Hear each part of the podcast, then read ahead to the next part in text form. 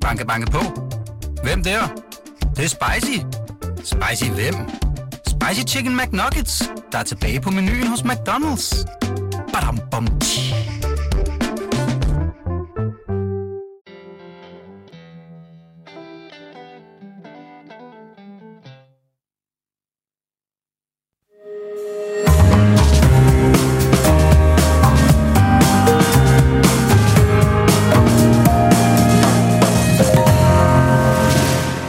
Lytter til Korto og Steno, en podcast fra Berlingske. Han var trofast gæst her i programmet flere år før han kom i Folketinget. Og det var han, fordi han var forfatter til et par opsigtsvækkende bøger. Udkantsmyten hed den første af dem, senere så kom De lærtes til tyranni. Han var manden, der oprustede Mette Frederiksens socialdemokrati. Han var manden, der øh, blev øh, udlænding- og integrationsminister, og navnet er Kåre Dybvad Bæk. Og Kåre Dybvad, han kommer på besøg til sidst i den her absolut sidste time af programmet Kåre er Steno. Velkommen til. Mit navn er Torben Steno. Og jeg hedder Jarl Cordua, og øh, vi er jo ikke helt kommet i hus med, hvem der skal modtage den aller sidste fidusbarm, så det kan I live-lyttere være med til at bestemme. Og det gør I ved at skrive til os på vores Facebook-side, Cordua Steno, og I er allerede i fuld gang.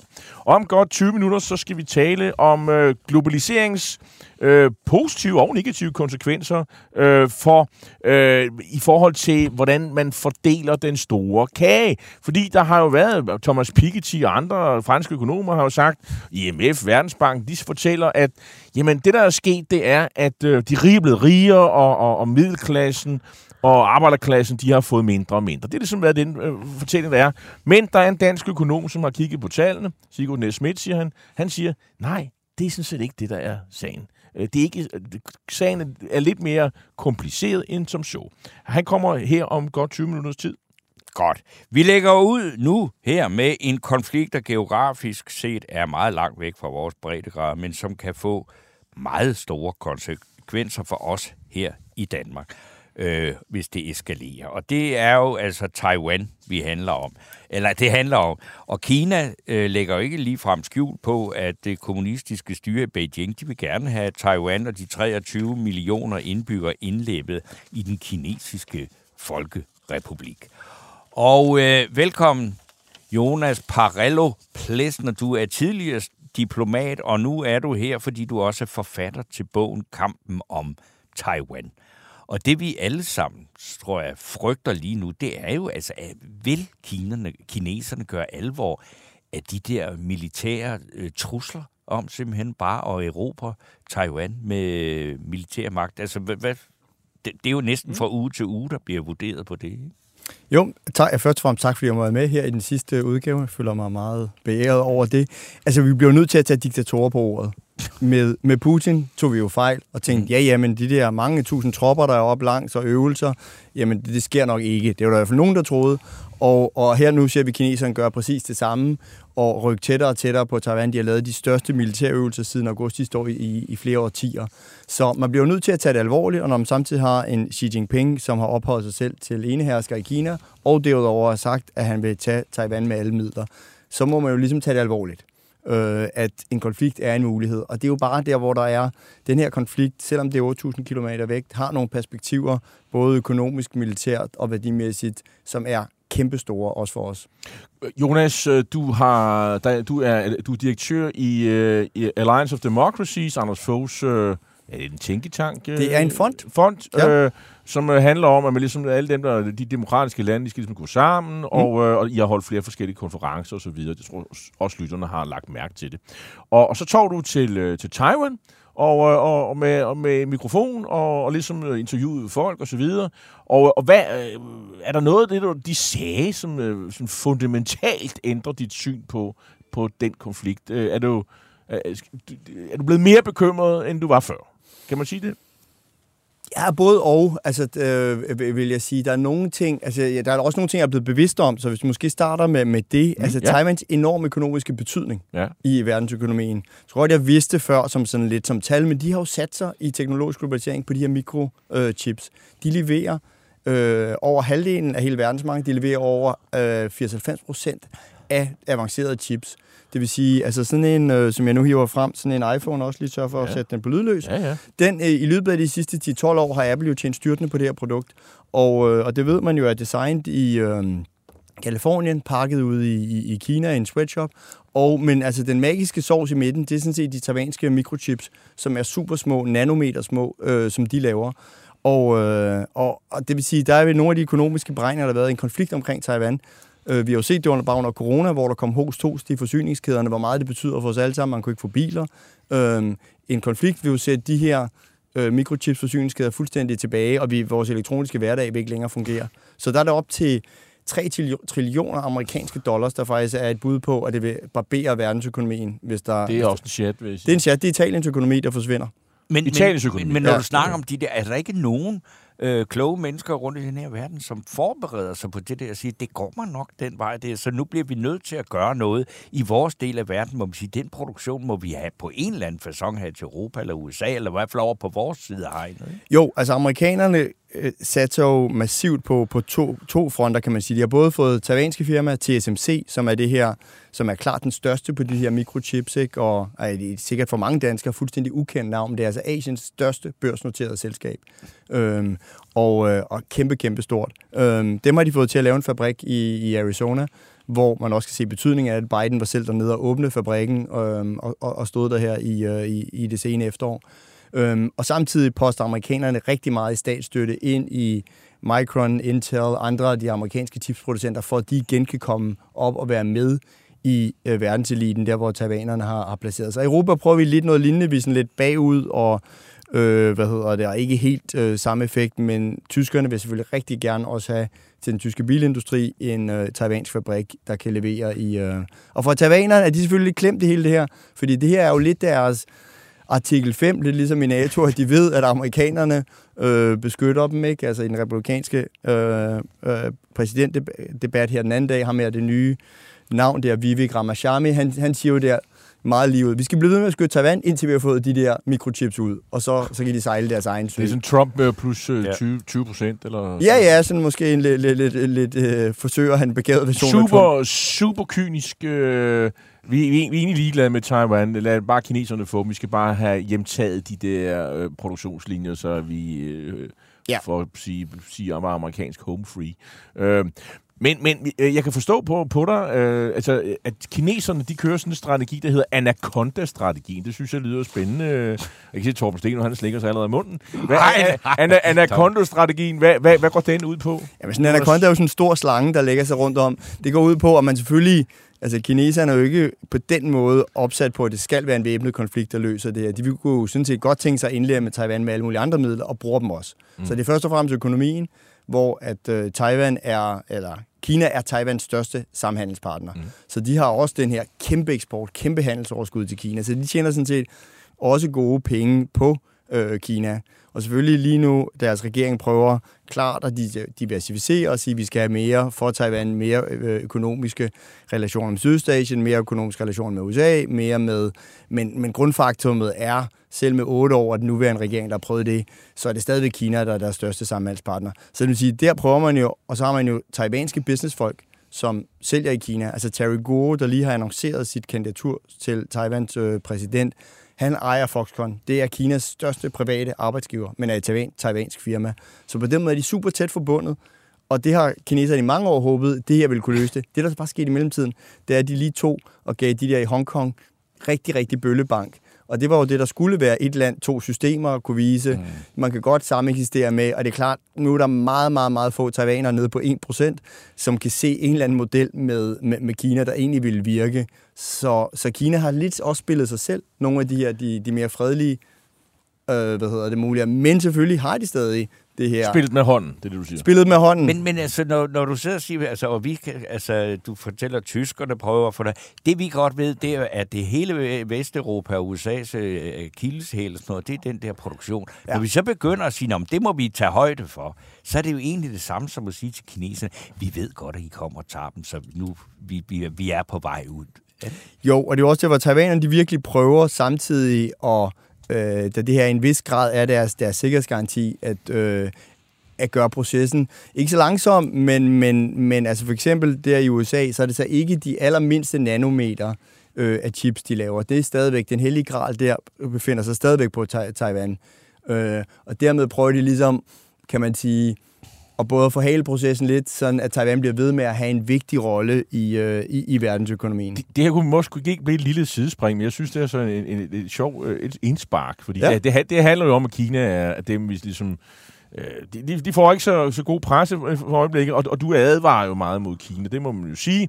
Torben Jensen skriver, kaffemaskinen gik i stykker, og jeg ville ikke købe en ny, der var lavet i Kina. Det lykkedes efter noget besvær at finde en model fra Holland, og som ikke er fremstillet i Kina. Elbilen, som kommer på et tidspunkt, er heller ikke fra Kina. Man kan gøre meget, hvis man vil. Øh, hvad, har Torben Jensen ret i den her analyse her, eller hvad, hvad tænker du? Han er i hvert fald ret i, at det er svært. Allerede for 10 år siden var der en øh, amerikansk øh, familie, jeg tror, der var moren, der endte med at skrive bogen, der prøvede at lave sådan, en der hed bogen, og leve et år uden Kina. Og det endte jo med, at de måtte sidde og flette nogle af deres ting selv og alt sådan noget der. Så det er super svært, også i sådan en, en i Ja. privat. Men derfor er det jo interessant, at flere folk gør det og mm. siger, det her betyder noget for mig. Også fordi, nu hvor meget af alt bliver teknologisk, så har du for eksempel en bil, sige, jamen vil du så gerne have den? Du vil ikke have Huawei i vores 5G-internet, Nej. valg vores stat, helt korrekt. Men vil vi så lige pludselig gerne have, at al data der i sådan en kinesisk elbil, jamen det er drevet af Huawei, og dine oplysninger sendes til Beijing. Så de her ting kommer jo med ind i en masse andre områder. Så jeg synes, det er fornuftigt nok, det uh, Torben gør med at prøve at kigge sig om efter alternativer. Men det er rigtigt, at det er svært. Men så, så øh, kan man sige, det er så Torben, der gør det. Men hvad så nogle... Så, øh, vi har jo en meget pragmatisk udenrigsminister lige nu. Altså, øh, manden, der fik pandagerne til København, Lars Løkke. Altså, skal vi, altså, er- vi ikke bare, bare på vej ind i det der spor? Det der slag, det er så tabt. Vi, vi, nu gælder det bare om altså, principper og verdensorden og alt det der. glemte. Ja, og hvis, du er spørger Lars, hvis du spørger Lars Lykke, så er det jo selvfølgelig der, vi, vi, vi ender. Men vi har jo et valg. Hvis du kigger rundt i, på Europakortet, så har du jo andre lande. Du har Litauen, hvor en værdipolitisk regering med, med Landsberg som Det er et udenrigsminister, land mindre end Danmark. netop, men som valgte med helt åbne øjne at gå ind i den her kon- værdikonflikt med kineserne, velvidende, at de ville skære samhandlen. Du har Tjekkiet, hvor deres nye præsident Pavel går ind, og da han modtager to opkald, da han starter, der er den ene fra øh, taleren med præsident Zelensky i Ukraine, den anden er Taiwans præsident Tsai Ing-wen, som selvfølgelig får kineserne op i det røde hjørne. Han siger, jeg er en fri mand, valgt i et frit land, og det her det er min øh, et-Kina-politik. Så der er jo ligesom nogle andre pejlemærker. Selv i Tyskland, der er jo virkelig, virkelig afhængig af... Der har du Annalena Baerbock, udenrigsministeren, og sådan set også økonomiministeren Harbeck fra De Grønne, som jo siger, ved du at vi kan godt sadle om. Og de har jo vist det på Harbeck, særligt på den russiske gas, hvor at, øh, han jo vist, at de 16 år med Merkel, hvor han sagde, at det er helt umuligt, vi har ikke noget valg. Ikke? Altså, de gik fra 40 procent af russisk gas til nu ned på 8 procent. Noget af det på sådan nogle pontoner med flydende øh, naturgas, som ikke er helt øh, hvad hedder det, oppe at stå endnu, men det virker jo, og det er jo faktisk lykkes. Så det vil sige, det er jo muligt at tage nogle politiske valg. Men øh, nu, vi har jo næsten ligesom lovet vælgerne, at vi skal øh, forholde os lidt til den her forfærdelige situation, krig øh, mellem USA og Kina om Taiwan. Ja. Altså, hvor langt er vi fra det? Og, og, og hva- hvad, hvad er scenariet? Altså, øh, fordi din bog er jo et, et opråb, ikke? Altså, Jo. nu bliver altså nødt til, og det er sige, Anders Fogh har jo også, som du arbejder et eller andet sted for i Ja. fonden der, har jo også haft det budskab. Så, så, så hvor langt er vi fra krigen? Og hvad kommer der til at ske? Jonas? Ja, altså jeg, jeg, jeg- lister i bogen øh, og opriser nogle af de forskellige scenarier, der ligesom er. Jeg tror tit, når vi taler om det, tænker vi det her store D-Day-scenarie, altså en invasion på, på mm. Taiwans strande, og så kommer øh, kineserne over Taiwans Første, første kæmpe luftbombardement, og så kommer de bagefter, ikke? Netop. Altså, der, der kan man sige, at det eneste positive i det er, at, det er et super svært scenarie. Taiwanstrædet er faktisk svært at passere. Der er både tyfoner, der er kraftig vind. Man kan kun gøre det, der er tidevand. Man kan kun gøre det på et bestemt tidspunkt. Taiwan har kun 14 strande, som man kan lande på. Øh, og den ved taiwanerne jo også godt, hvad er for nogen, og har alle mulige forskellige forsvarssystemer omkring dem. Og man har jo også en fordel altid, altså i forhold til angriber. Angriberen skal jo tre gange så mange øh, som forsvarerne. Nu, er der, Taiwan- jo- nu findes der jo mange kinesere. Ja. Ja, det, det gør der, men det vil sige, at vi taler også om noget, der er DDA+. Altså, du skal have op til en million mand rykket over, over strædet for at, at lave det her. Så jeg vil sige, det er ikke umuligt, men det her store invasionsscenarie, det kræver virkelig, at, at, at Kina mobiliserer alt på det. Det, der er meget mere sandsynligt, og for alle her på det korte, er, at det, de har øvet med, med, med de her militærøvelser, det er en blokade. Mm. Og det er en eller anden form for selektiv blokade, fordi de ved godt, at 40 procent af varehandlen, også til dem selv, går igennem uh, Taiwan-strædet. Så det er ikke sådan, hvor man blokerer det hele. Men hvis man for eksempel tog, efter næste taiwanske valg, tog energi, og sagde, nu vil vi gerne lave inspektioner af energiforsyninger til, til Taiwan, så skulle du have USA, eller os andre, der også siger, jamen det her vil vi lidt ligesom øh, historisk set øh, under hvad hedder, den kolde krig med Berlinblokaden, var villige til at sige, vil vi så være med til ligesom at enten levere på en anden måde til Taiwan, så de får energi, som kan være super dyrt, ikke? eller være med til at bryde den her kinesiske blokade. Så nogle af de der ting, tror jeg er rigtig svære, fordi de kunne være nogle af dem, der spiller der i det der, lidt ligesom russerne, der er gode til, øh, i hvert fald før i tiden, når de ikke lavede kæmpe store invasioner, altså i det der gråzone af, hvad er det her? Er det en militær eller ej? Og hvis man så valgte eksempel heller ikke at bruge militærskibe, men kystvagtskibe eller et eller andet til det. Så faktisk er jeg egentlig på kort sigt mest bekymret for sådan nogle af, af, af de scenarier, og særligt hele valgåret næste år, amerikansk valg, taiwansk valg, at kineserne bruger det her til at prøve endnu flere af de her metoder Nu siger du taiwansk valg. Der er vel ikke to, eller, altså to øh, fronter eller øh, forskellige holdninger til det her spørgsmål på Taiwan. En lille smule er der faktisk også. Altså, det, er jo, det er jo et demokratisk system, så selvfølgelig har de forskellige... Øh, så altså, deres nationalistparti øh, er sådan set... Øh, egentlig på den front at sige, at vi skal have genetableret lidt mere dialog med kineserne. Vi skal også passe på, at vi ikke saver i den gren, vi selv sidder på, fordi de siger, så det kunne sige, at der, der er lidt mere Lars Løkke og lidt mere, øh, sådan som Tyskland var i, i gamle dage i, i, i det parti, at sige, lad os nu bare passe på, at vi ikke... Øh, hvis vi nu øh, ikke tiger kineserne for meget, så kan det godt være, at de ikke øh, gør noget. Og du har det nuværende øh, demokratisk progressive parti, som helt klart står for en øget grad af taiwansk selvstændig identitet. De er ligesom meget optaget af at sige, hvordan kan vi, øh, og deres vælgergrundlag er også det, hvordan adskiller vi os ligesom fra, fra, fra Kina, og vi er noget andet end, end det kinesiske fastland. Men det, altså sådan, det helt essentielle i det her, det er vel, at så længe Xi Jinping er diktator i Kina, så øh, er der, der er ikke nogen udvikling. Konflikten kan ikke løses, fordi han vil bare have det. Det har han lovet sin befolkning. Ja, og han har også sagt, at det her er et spørgsmål, der ikke kan blive skubbet fra generation til generation. Ikke? Mm. Så på den måde har han også klart markeret, at det er et eller andet, han vil løse øh, på et eller andet tidspunkt. Og så begynder det jo også at have nogle af faresignalerne, hvis økonomien nu får et tilbageslag, og dermed den klassiske kontrakt mellem Kommunistpartiet og befolkningen at sige, okay, vi leverer jer kummefryser og biler og boliger, og I, I til at stille, og, og vi styrer. Hvis den begynder at ryge, og den er jo allerede røget en del under corona, at, at, at befolkningen virkelig har været øh, træt af at blive, øh, blive lukket inde. Ikke? Så, og så er der jo nationalisme tilbage, og der er det jo så igen, at har vi jo også set øh, Putin bevæge sig så den vej. Så derfor må vi jo ligesom tage det alvorligt, at en, en, en konflikt øh, også tror derude. Jonas Parello Plasner, det er voldsomt interessant det her, og det er også lidt ubehageligt at høre om, øh, men det er der jo ikke noget at gøre ved. Men jeg synes også, at øh, Niels Vesti, som jo bare har været gæst og i her i programmet, og som også har kommenteret øh, flittigt på, hvad vi snakker om her, han skriver, hvis det går helt galt, så må taiwaneserne have fri adgang til at bosætte sig i Europa. Indtil da bør vi bakke 100% op, ligesom vi bakker op om Ukraine. I hvert fald i øjeblikket kan man godt være nervøs for, om det holder. Det må man sige, det er sådan en anden diskussion. Men spørgsmålet er så, om europæerne er med på den. Øh, altså, Hvad er din egen analyse?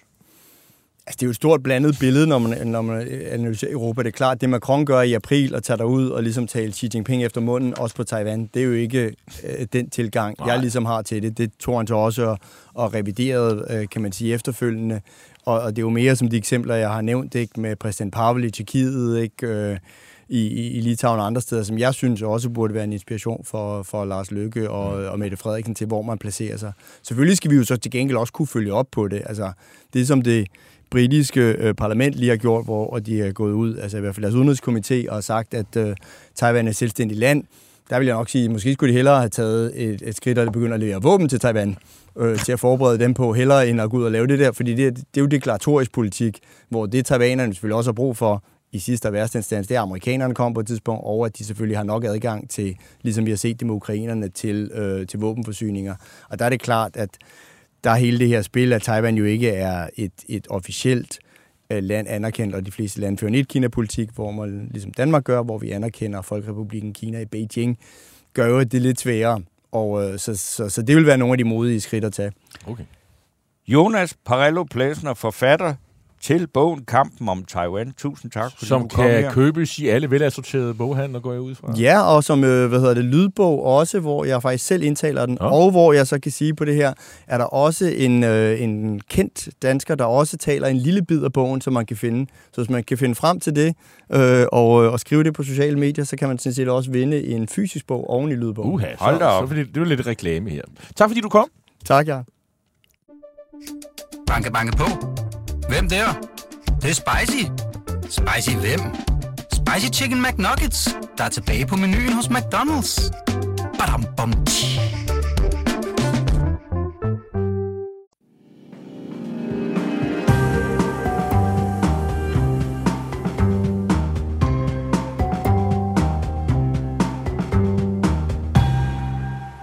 Ja, fra den ene øh, aktuelle bog til øh, den næste, øh, kunne man sige. Øh, vi skal nu byde velkommen til øh, Helle Sigurd Næs Schmidt, øh, som er økonom og øh, forfatter til en bog, der har så en engelsktalende titel her. Det kan være, den kommer på dansk, det ved man jo aldrig. Men øh, den er nok henvendt til sådan et internationalt publikum. Øh, den titlen hedder Reaping the Benefits of Globalization and the Welfare State. Den øh, oversætter jeg frit til udbyttet af globaliseringens og velfærdsstatens gavnlige effekter, øh, som må øh, øh, Helge Sigurd. Jeg, jeg tror, du, du kalder dig normalt Sigurd, der er andre kalder det. Hvad siger du? Sigurd. Vi kalder dig for Sigurd. Altså, øhm, altså, grund til, at øh, jeg har lyst til at invitere dig med, det er blandt andet, du har også skrevet en, en, øh, en kommentar i, øh, i, i Berlingske tilbage i juni, hvor du jo blander dig, der i den her debat, der er, som har stået på ret længe faktisk, og, og alle har hørt om Thomas Piketty, den franske økonom, der skrev den her bog om, øh, om kapitalen, øh, hvor, hvor, hvor hovedsynspunktet er, og han er bestemt ikke alene, du nævner selv OECD, IMF, altså det, øh, det er altså den internationale Monetary Foundation og Verdensbanken, og generelt mange debattører i Vesten siger, at, øh, at det, det, det, der er sket øh, her i de sidste 30-40 år, det er, at de rige er blevet rigere. Der er 1% i USA, der skummer fløden, og så er der en middelklasse, der ikke får øh, gavn af gevinsterne, ikke mindst for, på grund af globaliseringen. Så, altså den her, det, er, at vi handler meget, meget, meget mere med hinanden, og at kapital og arbejdskraft flyder frit. Det har det i hvert fald gjort indtil for nogle ganske få år siden. Nu er det sådan udviklingen lidt til, på vej tilbage. Men det har gavnet de rige og udbyttet de svage. Man kan næsten høre Karl Marx. Øh, og, og, og, og, og man kan sige, det, og de her organisationer, OECD, IMF, Verdensbanken, det er jo ikke kommunistiske øh, organisationer, så vidt jeg tjekkede. Det er faktisk sådan, der er sådan generelt er glade for, for, for handel. Øh, altså, man kan jo næsten sige, det er sådan liberale institutioner. Det, du, du nikker, så du er enig med mig, øh, Øh, Sigurd, og jeg kan også lige nævne, du er tidligere kontorchef i Finansministeriet, så du har, du har sådan en pænt stort øh, overblik, og du er heller ikke helt ung, så du har fulgt den her diskussion i mange, mange år. Så hvad er det nye, du kommer med og bidrager med? For du har kigget på de tal, og du kommer til en anden konklusion.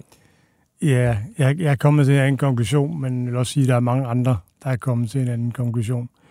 Øh, så jeg, jeg, er ikke, jeg er ikke øh, forfatter i motivforskning, så jeg skal ikke kunne sige, hvorfor Nej. at de kører så stærkt i den retning. Men når jeg kigger på tallene, og jeg har ikke selv fundet tallene, jeg har ikke opfundet nogen tal, jeg har kigget på de samme tal, som de her institutioner går og kigger på.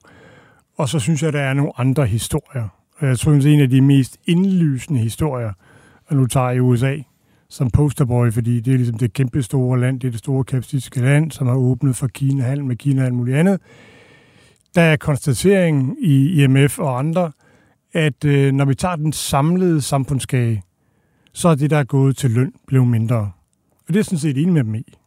Spørgsmålet er bare, hvad er der så blevet af kagen? Hvad, hvem er det så, der har taget kagen? Er det kapitalejerne? Ja. Nej, Mere profit. det er det ikke. Mm. Det er det, Det- ikke. Det er det ikke. Hvem er det så? Hvem er det så? Ja. Og øh, det er sådan set meget simpelt. Altså det, der er sket i USA og en række andre lande siden øh, slutningen af 60'erne, det er, at man har opbygget et velfærdssystem.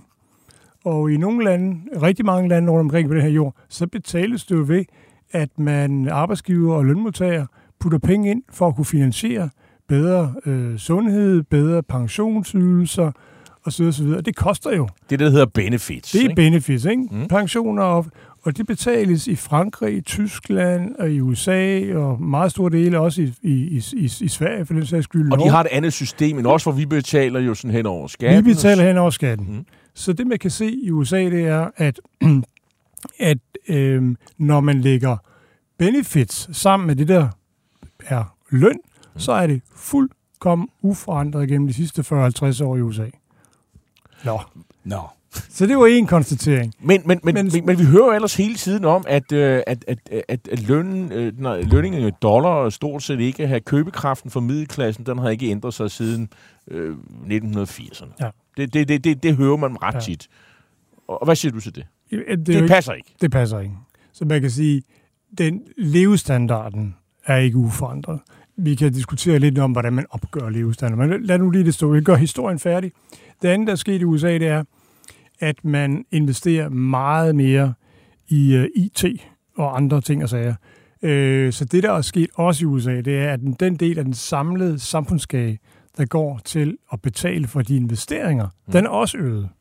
Så, så investeringerne er øget. så investeringerne er øget. Okay. Og det betyder så, at den andel, der er tilbage til kapitalejerne, altså dem, der rent faktisk har investeret, fordi de har jo ikke glæde af, af, af at investere mere, de har glæde af, at de øgede investeringer fører til noget mere profit, den har ikke ændret sig en dyt. Så kapitalejerne har ikke fået mere ud af det, og lønmodtagerne har heller ikke fået mindre ud af det. De har bare fået en anden fordeling af kagen. De har fået mere i, øh, i offentlige pensioner, og de har fået mere i sundhedsudgifter. Men det lyder jo egentlig, man skal så sige, altså det, det er øh, lidt overraskende for mig at høre det der, fordi det er noget nyt, ikke? Men, det, man sige, men, men, men det lyder jo som, at, at hvis man ser på det sådan globalt, eller sådan, så har alle, i- altså, så har alle jo profiteret af det. Det vil, det vil jeg jo mene. Ja, men det kan man vel ikke tillade sig at sige. Der må der være nogen, der, der skal være nogle tabere, ikke? Hvorfor det? Nå, men det plejer der at være. Ja. Men selvfølgelig er der også nogle, nogle sager. Vi kan lige komme tilbage på, hvad jeg tror, den ene historie er. Så det er den ene Okay. historie. Den ene historie, det er, at der er nogle helt banale forklaringer på, at lønnen, den gammeldags løn, som det, man går ind og henter kasse 1, er blevet mindre. Paycheck er blevet mindre, så er der også, så er der også noget, man betaler skat af det. Men lad det ligge. Nu taler vi sådan det rene markedsoutcome. Det, det er meget simple forklaringer, og det er jo et holder det samme i Danmark. Øh, der har vi jo ikke den lille forklaring med, at at vi bruger flere og flere penge der, øh, på, på offentlige pensioner osv., som, eller sundhed, fordi det betaler vi over indkomstskatten. Så hvis du kigger på fordelingen mellem profit og, øh, og løn, så er det den samme historie i Danmark. Der er ikke kommet mere ud til kapitalejerne.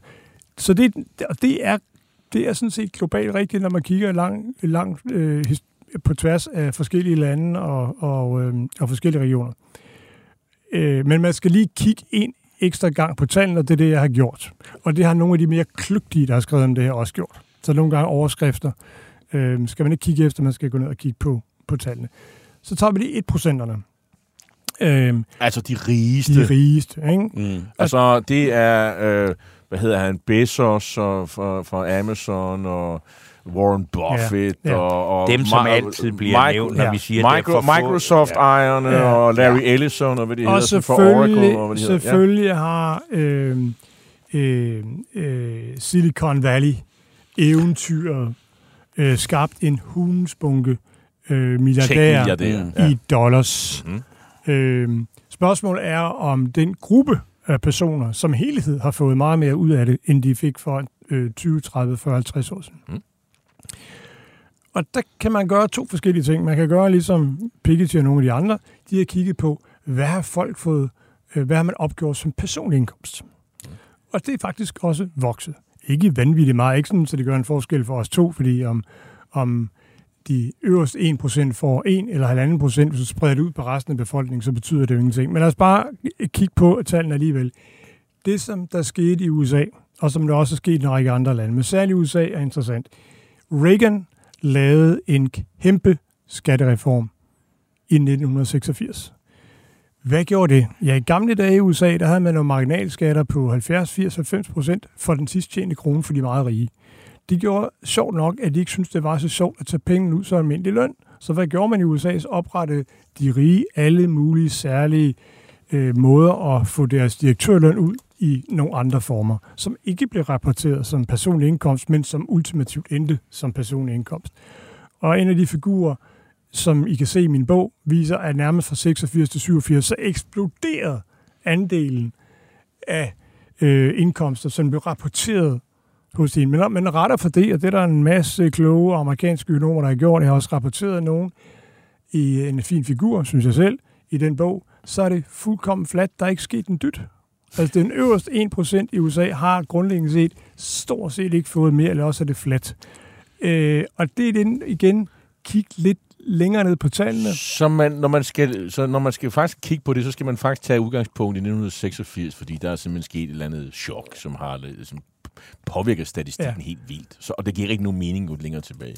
Eller så skal man korrigere statistikken. Man, altså i USA, og derfor har jeg brugt så meget USA i min lille bog, mm-hmm. eller booklet, det er, fordi de har så fantastisk gode data, hvor man følger de her ting over rigtig lang tid. Øh, og så også fordi USA selvfølgelig er 40 procent af en meget stor del af verdensøkonomien og det mest den, den store kapitalistiske land. Så det er, jeg synes, det er interessant at se som eksempel. Ikke? Men det lyder næsten som om, altså hvis man kunne, altså der ville du foreslå, at hvis vi kunne, så skulle vi øh, give øh, den globale fidusbamse til Ronald Reagan. Også. han, han lavede en, skal vi bare lige sådan, jeg ved ikke om vi har sådan en kuriosum, men da Reagan lavede skattereformen der i 87, så var der en, en diskussion mellem venstreorienterede økonomer og højreorienterede økonomer i USA. Det var, de kunne jo alle sammen konstatere, at de personlige indkomst eksploderede. Og de højreorienterede økonomer sagde, det viser, at øh, det viser jo, at lavere marginalskatter er fantastisk godt, mens de venstreorienterede økonomer siger det samme som jeg, at jamen, det, der skete, det var helt overvejende, at folk flyttede indkomsten fra en kasse til en anden kasse. Men, Skattetænkning i virkeligheden. Ja, ikke? men ja. Men, men øh, der er jo så, vi har jo kunne konstatere, det er jo faktisk også en af dine pointer, og øh, fordi der er jo problemer, øh, og det anerkender du sådan set også. Øh, du siger jo, at hvad er grunden til, at Trump er kommet frem? Der er, der er jo dele af Amerika, lad os bare sige sådan et sted som Michigan øh, og, og, og Detroit. Det er sådan det værste eksempel. Ikke? En gang en sprudlende by, de producerede biler og så videre. Og nu er, det ved, nu er de nede på en tredjedel af, hvor der boede omkring 1960 eller sådan noget. Der er bare Youngstown i Ohio, et andet frygteligt sted. Altså, det her med, at, øh, at der er en afindustrialisering, rustbæltet. Vi har også øh, eksempler fra Danmark, andre steder, at øh, engang var der en masse øh, virksomheder, der blomstrede, mm. og pludselig er der ingenting, og nu slås vi med center-periferi-diskussioner. Det næste gæstkort, Dybvad, blev berømt på det, og skrev en fantastisk ja. bog. Ja. Øh, I hvert fald politisk fantastisk, for ja. den, den producerede en hel masse politik. Ja. Så, og du anerkender faktisk den ja. problematik. Det gør jeg absolut. Øhm, og jeg synes også, at USA er et interessant eksempel. At Danmark har fuldkommen parallelle øh, mm-hmm. diskussioner. Hvis man kigger på andelen af fremstillingssektoren i USA, så følger den sådan en fuldkommen flad linje. Der er ikke, altså der, det er blip, der sker fra år til år. Og det er jo globalt set, så fylder industrien mindre og mindre. Det er det samme, der skete med landbruget. En gang så var arbejde alle i landbruget, i dag er det 1-2 procent. Så der er ikke sket sådan noget trendbrud, men, men der er sket to ting, synes jeg, som er super relevant. Det er, øh, igen USA som et godt eksempel, det er, at de steder, industritruppene er, industrijobsene er, er lokaliseret anderledes. Så i slutningen, fra, sådan, fra slutningen af 80'erne og frem til år 2000, så var der faktisk en række sydstater og øh, andre steder, som, som, som senere har fået nogle masse tisk, som rent faktisk øgede andelen af fremstillingsjob. Mm. De flyttede sig ud fra New York og Massachusetts og Connecticut, alle de rige, som til gengæld fik nogle flere servicejobs. Så det er så som Georgia og North Carolina og sådan noget, der er jo... Der jeg har nogle, jeg har nogle Virginia, ikke mindst. Ja, og det, der er sket siden år 2000, det er, at væksten i de områder er kollapset, fordi at de der industrijobs ikke lærer der længere. Mm. Så min pointe er grundlæggende set, at øh, hvis der er nogle effekter af globalisering, men det er jo lige så meget den almindelige teknologiske udvikling, så er det, at jobsene nu ikke er på landet og ikke i de små områder rundt omkring. Og det er det, der er en diskussion, og det hænger jo sådan set meget godt sammen med, med observationer. Så det, for mig at handler det ikke om Kina, der tager jobsene og ødelægger vores indkomster for lavlønne. Det er, at vi har fået en skæv udvikling inden for de forskellige lande. Og hvad skal man gøre ved det? Kort. Øh, Hvis man kan. Ja, kan du lige løse det? nej, der er jeg mere sketchy, ikke? men jeg synes, vi skal, vi skal passe på. Altså, jeg synes, at vi skal, vi skal tænke på, at der er en grund til, øh, der er en grund til, at, at, øh, de, at, de store byer som København og øh, Berlin og Hamburg vokser, det er, at der er nogle fantastisk stærke industrier, som trives bedst der. Så løsningen på det, det er jo ikke at forhindre, at de stadigvæk kan trives og vokse. Nej. Vi er nødt til til gengæld at finde ud af, hvad er det for nogle andre mindre vækstcenter rundt omkring i Danmark, som har en chance for at vokse, og måske også trække noget opland med sig, Aalborg, Herning og andre. Hvad kan vi gøre målrettet for at styrke sådan nogle ting, og ikke ved at lave alle mulige initiativer for alle mulige små byer, der kan overleve, men er der nogle gode vækstcenter rundt omkring, hvor der er nogle gode universiteter, nogle gode industrivirksomheder, som kan trække noget vækst op? Helle Sigurd Nesmith, tak fordi du kom og fortalte om uh, din bog, Reaping the Benefits of Globalization and the Welfare State. Den øh, kan øh, købes øh, for flere forskellige steder. Og den bliver anbefalet af Niels Vest. Ja, øh, forlaget hedder Books on Demand, Hellerup. Ja. Øh, tak fordi du kom. Tak for det.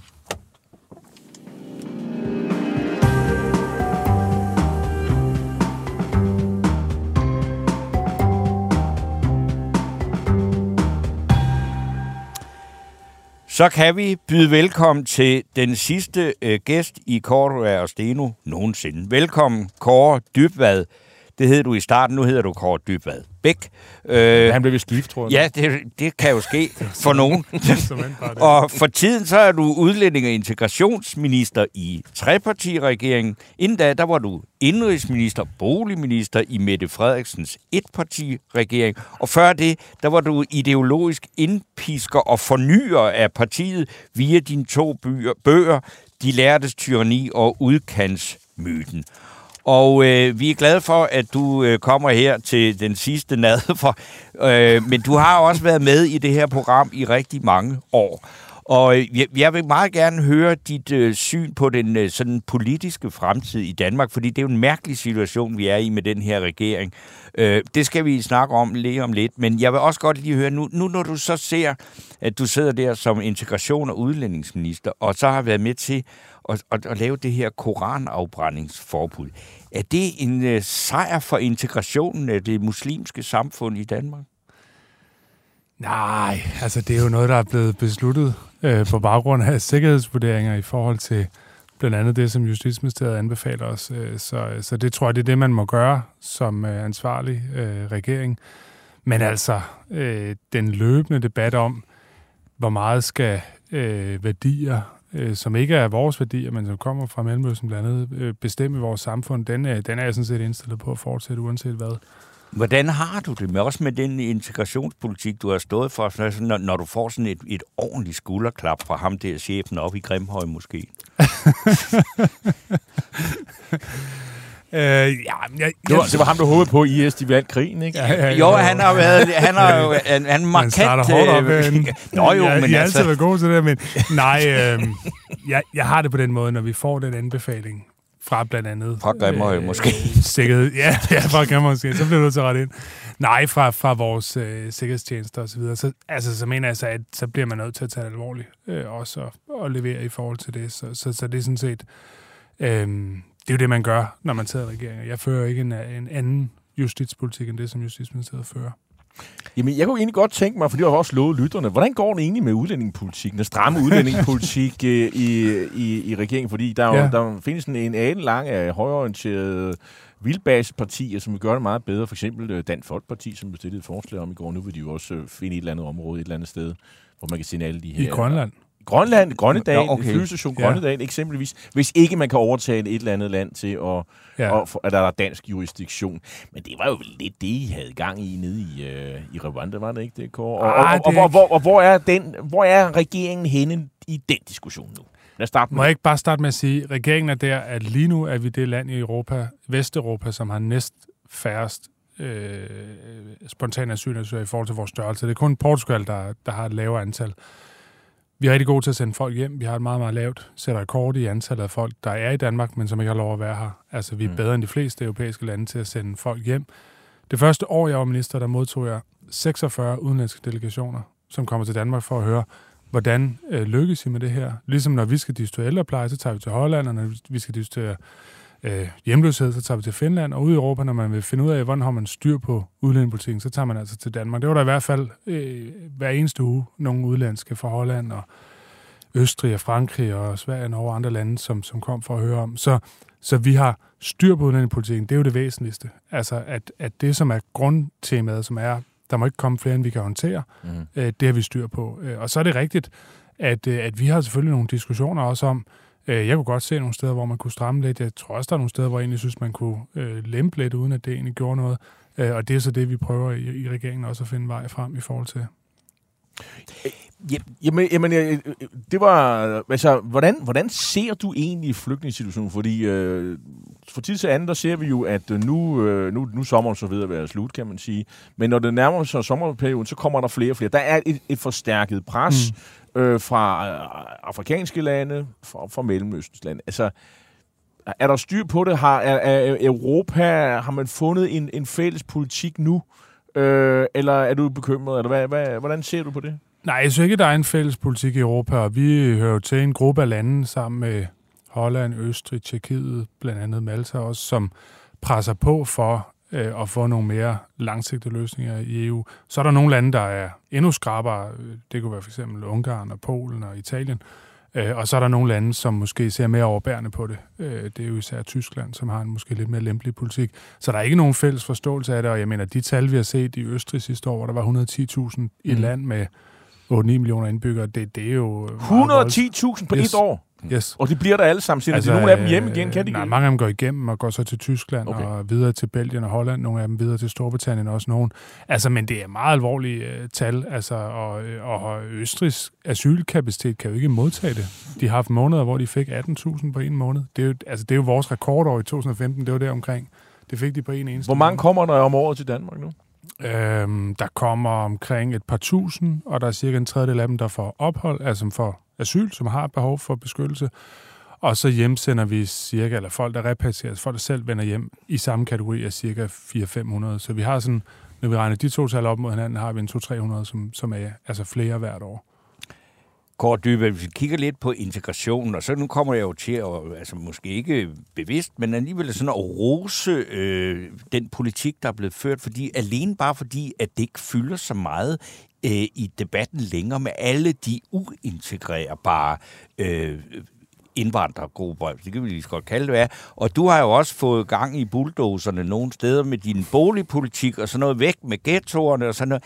Og så til mig, er det, er det gået ligesom, altså du må godt være øh, rose dig selv lidt mindre end jeg gør, men er det, er det ja. faktisk lykkedes, det, det projekt der med at sige, at vi har fået, lukket, altså, fået brudt nogle af de der lukkede ghettosystemer, som i virkeligheden bare har været nogen, der rekrutteret endnu flere, hvad skal vi sige, sociale tabere?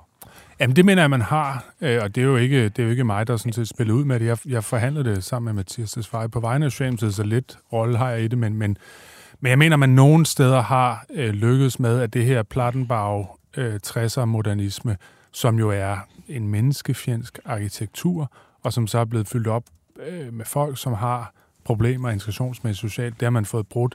Nu for eksempel siger man, jamen, du skal have et arbejde eller være i uddannelse for at komme ind og bo de her steder. Og allerede nu kan vi se, at, at det gør en kæmpe forskel i forhold til, hvordan de børn, der er i skolerne, klarer sig, hvordan for, hvor mange der er i job. I Tænkbjerg for eksempel, da vi startede med øh, parallelsamfundsbanken, der var der over 40 procent der uden for arbejdsmarkedet. Nu ligger de omkring 21 procent mod et landsgennemsnit på 13. Så, så, så de, altså, det, det er ved at være et normalt boligområde. Jeg har godt tænkt mig at spørge ind til et par aktuelle sager. Udrejsecentret Kærshovedgård har jo været i, i, i vælten.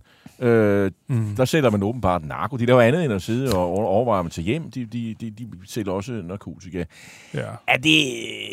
Det går jo ikke, vel? Altså, hvad, hvad, Nej, hvor, hvor, hvorfor opstår det? Altså, hvor er tilsynet med det her? Nej, det er ulovligt, det er med på, men det er jo ikke meningen, at man skal sidde og, og, og sælge narko, når man er, når man er flygtning. Er det Nej, det er det ikke, og, og øhm, vi vil i det hele taget ikke have kriminel aktivitet på Kærsudgård. Øh, Hvorfor er der ikke styr på det, Kåre? Jamen, fordi det er ikke et fængsel. Altså, Kærsudgård er øh, et sted, hvor man kan gå ind og ud. Der er folk, der er cirka 200 mennesker, der bor der nu. Det er halvt belagt i forhold til det, der var det oprindelige, fordi der er færre mennesker, som vi ikke har sendt hjem til de lande, øh, hvor, hvor, øh, hvor de hører til.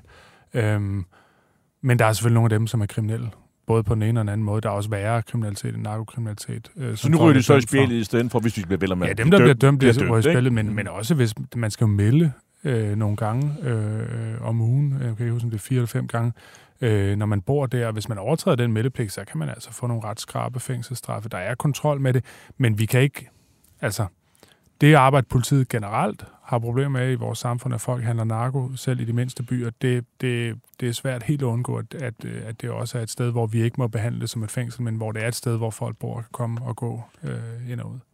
Kort Dybvad, dengang du bare var øh, kandidat, eller bare var medlem af Ja. øh, Socialdemokratiet, det var det, du skrev den der bog, Udkantsmyten. Er det, havde du selv forventet, hvor meget, den, hvor meget indflydelse den bog fik? Nej, det, det havde jeg nok ikke. Altså, jeg, jeg, da jeg skrev den, var, var det fordi jeg selv var i et miljø, jeg arbejdede i Vordingborg på det tidspunkt, kom meget rundt i, også i Jylland, og hvor jeg oplevede, at der var noget, der ikke stemte i forhold til den fortælling, der var om provinsen, og jeg ville gerne ændre fortællingen, og så synes jeg ligesom, jeg var, blev nødt til også at have nogle forslag. Og så rodede jeg lidt rundt og fandt, øh, hvad andre begavede mennesker havde foreslået. Så prøvede jeg at stykke det sammen til sådan en egentlig Jamen, det, jo- det, jo blevet til, det blev til en tsunami altså, af udflytning af statslige arbejdspladser fra København, og sådan noget, altså, hvor man også tænker ind imellem, hvor jeg... og, og, altså, det, jeg, og det blev til et politisk parti. Ja, øh, det, altså, øh, ja, du har faktisk været med til Ja. at skabe øh, Danmarksdemokraterne. Var det tanken med det? Altså, Nej, men jeg tror, jeg tror sådan her, øh, altså i hele den vestlige verden har der været et oprør imod den, kan man sige, meget øh, globaliseret international økonomi, som man introducerede i nullerne, og også, også en værdiladet introduktion. Altså man sagde noget er bedre end noget andet, fabrikker og så videre, som der stod i Jyllandsposten, slagterierne, de skal bare lukkes, fordi det er ikke fremtiden. Det er det, Trump kom til magten på. Det er det, som Brexit bliver øh, gennemført på. Det er også det i Frankrig, Tyskland og andre steder, vi oplever højere bevægelse. Jeg mener, at midterpartier, ansvarlige midterpartier, har en forpligtelse til at kunne håndtere, når der er en utilfredshed med en måde, vores samfund har fungeret på.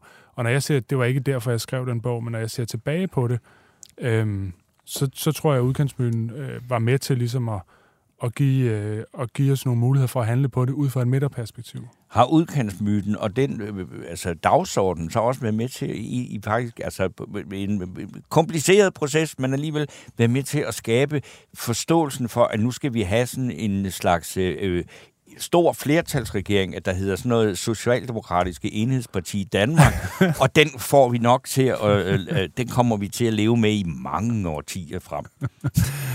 Nej, det tror jeg nu ikke. Øhm, jeg tror også, var der ikke i Østtyskland flere partier. Jeg tror, de radikale var venner med Jo, bund, jo der var et lille bundparti. Der var også et tysk CDU, et østtysk CDU. Ja, ja. ja det var, Men du ved godt, hvor jeg vil hen med det. Altså, er det, jamen, det er jo en virkelig en drøm, ikke? Ja, det, ja, det ved jeg ikke.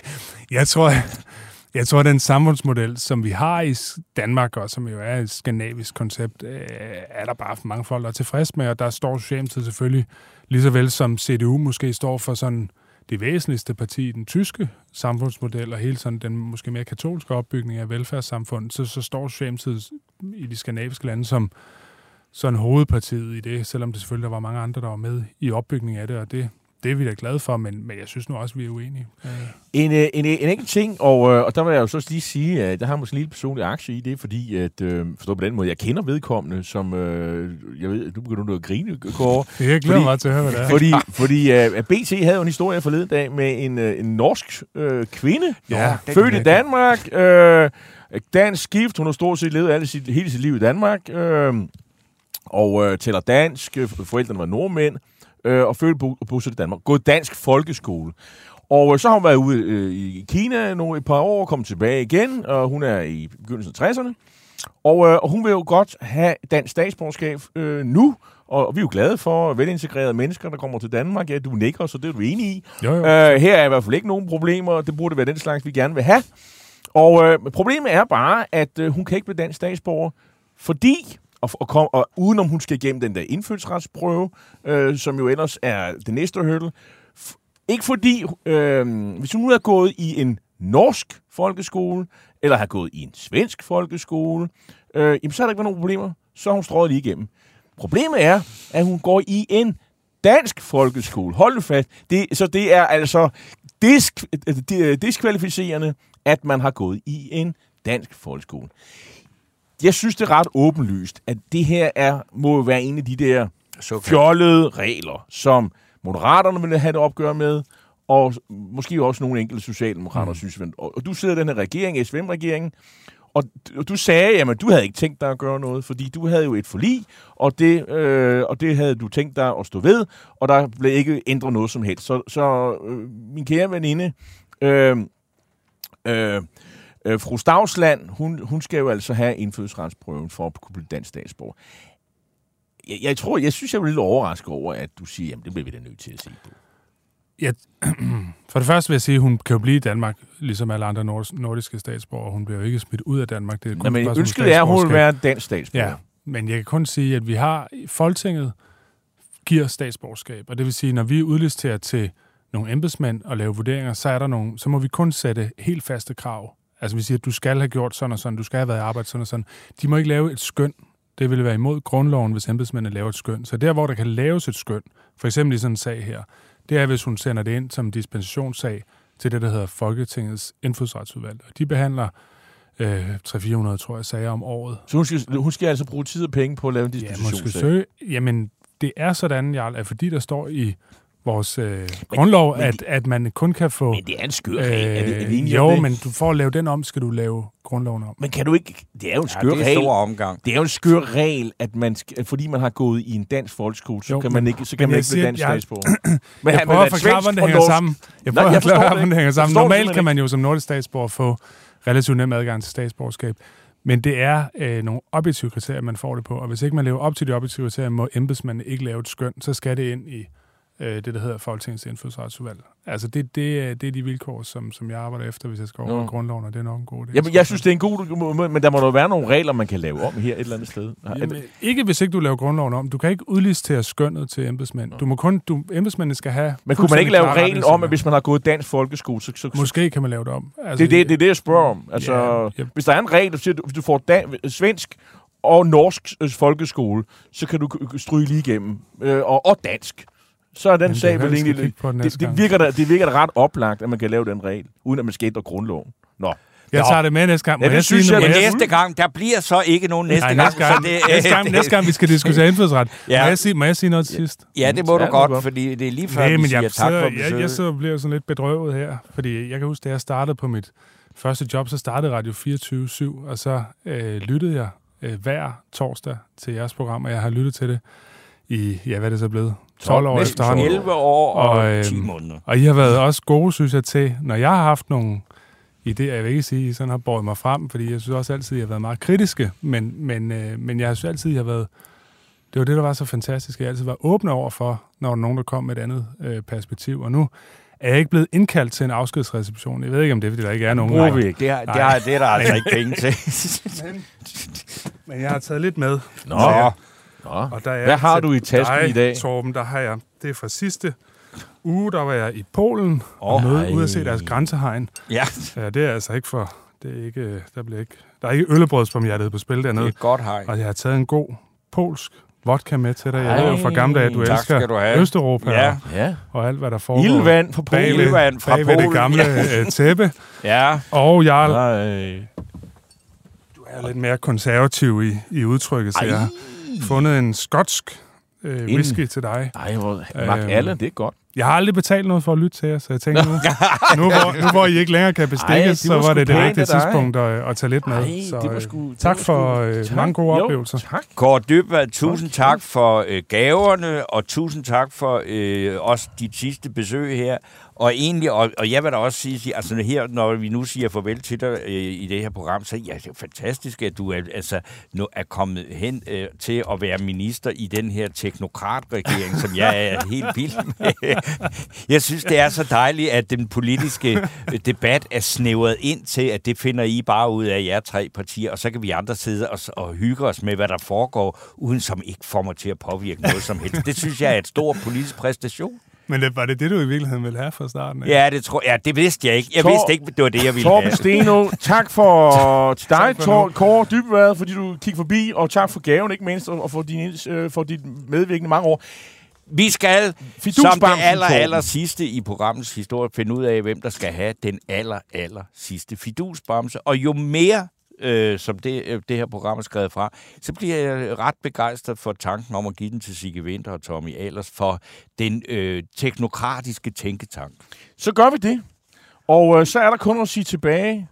Mange tusind tak, Tak, for, til alle jer trofaste mennesker, der har lyttet med. for kommentarer, for øh, opbakning, for at have, for, og til gæsterne ikke mindst, der har været med.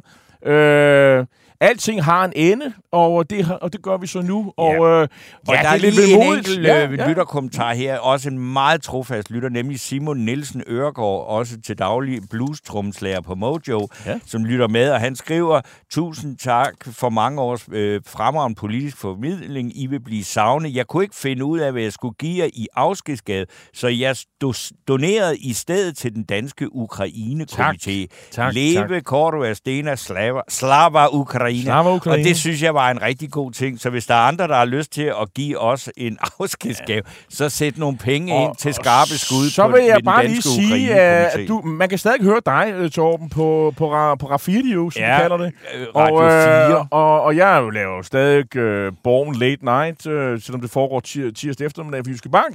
Og jeg skri- kommer til at skrive i avisen forløbe, blandt andet om om lørdagen, så vi, I slipper ikke helt øh, for os. Men øh, nu, nu tror jeg ikke, vi kan trække den længere. Nej. I teknikken sad... sad, øh, der sad Alexander Brøndbjerg, og Louis Leo Feigenberg var øh, også med til at producere det her absolut sidste problem, øh, program, og det var jeg vi glade for, for det har han været god til. Tak for Tak for to- 11 år og 10 Otte- måneder. 10 måneder. Banke, banke på. Hvem der? Det, det er spicy. Spicy hvem? Spicy Chicken McNuggets, der er tilbage på menuen hos McDonald's. Badum, bom, tji.